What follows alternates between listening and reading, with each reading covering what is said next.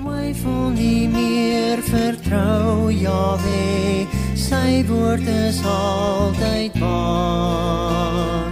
Hy ken jou al van moederschoot. Hy was Dit nog is een van die sterkste magte in die wêreld werksaam. Naas God blyk Mammon te wees. En hy beroof die mens van sy beste jare en van sy goddelik ingegewe vermoëns en talent. En dit is wat hom so magtig maak in die wêreld geliefdes, die mag van geld waarmee die meerderheid se geloof gekoop word. Ons sien oor die tye vanuit die vroeë gemeentes hoe die staat begine inmeng het hier in die 4de eeu deur Konstantin die Grote in die gemeente sake en die biskoppe begin betaal het en hoe geld 'n rol gespeel het dat die Rooms-Katolieke Kerk ontstaan het wat baie van die ware gelowiges vervolg het. Die Rooms-Katolieke Kerk vanaand die rykste organisasie in die wêreld. En dit gee aan hom maggeliefdes en koop hulle as te ware die regerings van die wêreld. En oefen hulle agter die skerms geweldige mag en invloed uit oor wêreldeerskappye. En al sien ons dit nie in Suid-Afrika nie, is dit die realiteit van ons dag. In Lukas 16 sê Yeshua, julle kan nie God en Mammon dien nie. Hier sien ons, dit is of God of dit is Mammon. En wat sal mense gee vir finansiële voorspoed en geluk? Wat sal mense opoffer? En ek sien dat om vir God 'n keuse te maak, selfs van jou daardie offer sal vra. Ons sien dit in die man Job se lewe gebeur, hoe hy bereid moes wees om alles op te gee, die ryk jong man, hoor. Jy het alles wat jy moet hê. Jy het die opregte bedoeling, jy het die vermoë, jy het die talent. Jy het jou troue wetsonderhouding. Maar een ding kom jy kort gaan verkoop alles wat jy het. En ons lees hy het baie besittings gehad. En hy kon dit nie doen nie. Tragies geliefdes.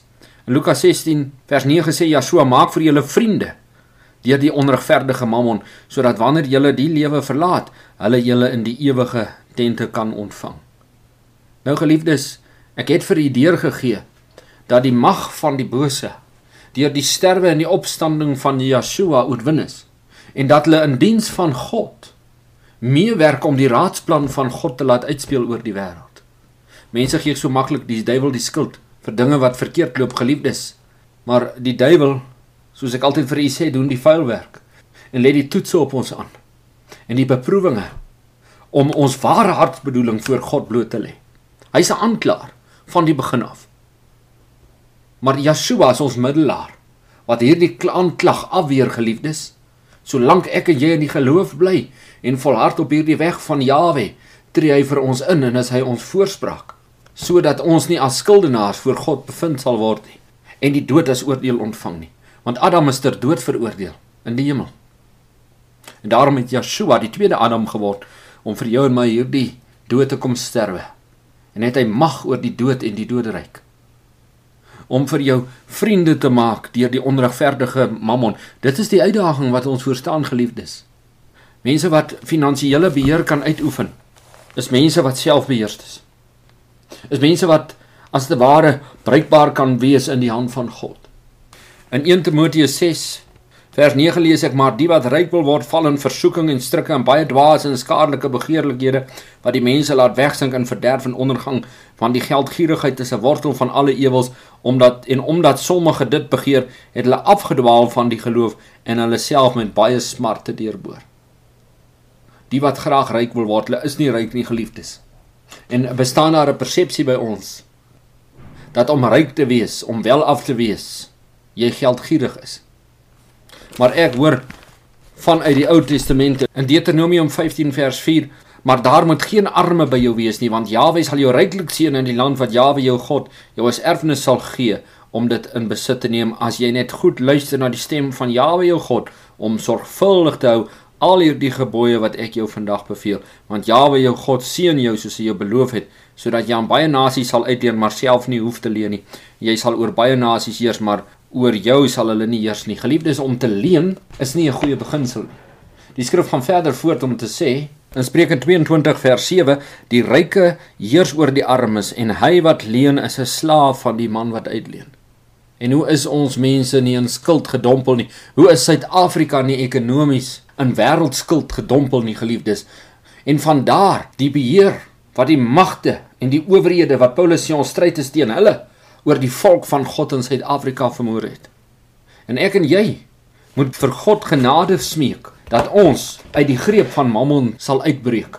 Dat ons vir ons vriende sal maak deur die onregverdige Mammon, want ek en jy koop karre en ons maak maklik skuld met hoë rentes wat ons moet betaal wat ons vir die beste tye van ons lewens bind en ons kragte vermors en so teer hierdie bose mag op die beste tyd van die volk van God se vermoëns en sy talente wat hy vir hom gegee het. En ons jong manne en ons jong mense wat so uit die skool uitgaan, maak maklik skuld. Hulle maak studie skuld, hulle maak motor skuld en huis skuld en klere skuld. En so sê die woord van ons is ons slawe van hom by wie ons leen. Hy wat leen is 'n slaaf van die man wat uitleen. En is dit nie Paulus wat sê dat ek en jy geroep word om slawe van die Messia te wees nie? Is dit nie hoekom hierdie vroeë gelowiges lees ons van hulle het al hulle besittings gaan verkoop? Ons het dit selfs in die vroeë gemeente sien ons hoe van hierdie biskoppe wat werklik deur God gegryp is en eintlik wel af was vanuit hulle vorige beroepe en lewensvaardighede alles gaan verkoop het om vryheid die woord van God te bedien in die vroeë gemeentes. Ons lees van die vroeë gemeente in Handelinge 1, hulle het alles verkoop en alles gemeenskaplik besit sodat daar niemand is wat in gebreke was nie, dat daar niemand is wat skuldenaars het nie.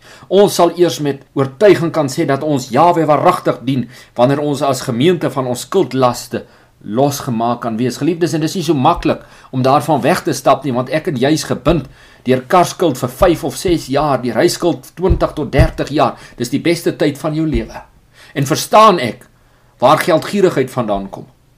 Wanneer ons begeer om ryk te wees, ons is nie ryk nie en ons koop wat ons nie verdien nie omdat ons verwaand is en gierig is geliefdes. En die geldgierigheid breek my af.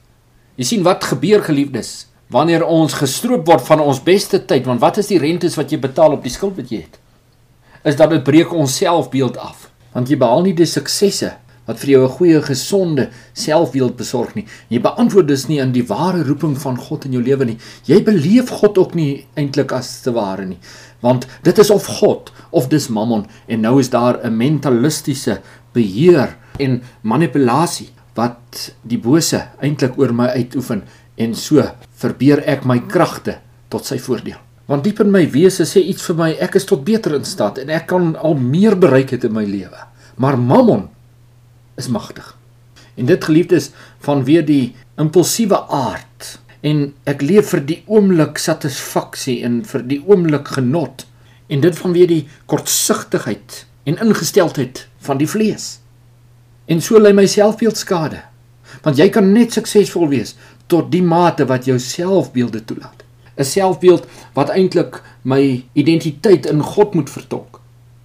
En my ware roeping moet openbaar en eintlik tot uitvoer bring in die wêreld. Hoeveel mense beantwoord in hulle aardse roeping baie min geliefdes. En as jy nie 'n gesonde selfbeeld het nie, is jy nie veel werd nie. Dan gaan jy ook nie veel bereik nie. Is dit nie apostel Paulus wat sê ek is tot alles in staat deur Yeshua wat my die krag gee nie? Maar hy het niks hier op die aarde gehad wat vir hom bind nie. En daarom moet ek en jy 'n strewe hê na finansiële onafhanklikheid. En ek glo geliefdes dat wanneer een ek dit met God waaragtig sal bedoel, dat daar selfbeheersing oor ons lewens sal kom. En weet jy waaraan word selfbeheersing gemeet? Dit is die volle som van die vrug van die gees van God in Galasiërs 5:22 is selfbeheersing. Dit word gemeet aan ons finansies. En weet jy God gee vir ons leiding in hierdie saak om vir ons vriende te maak met die onregverdige mammon. Hy sê bring jou tiende, bring jou hele tiende na die skatkis. En as jy rondom dit jou lewe kan uitwerk, dan is jy 'n goeie rentmeester. En dan sal jy inderdaad goeie beheer kan uitoefen oor welke mag wat daar mag wees. Wat op jou mag inwerk op watter wyse. Want Mammon is die magtigste.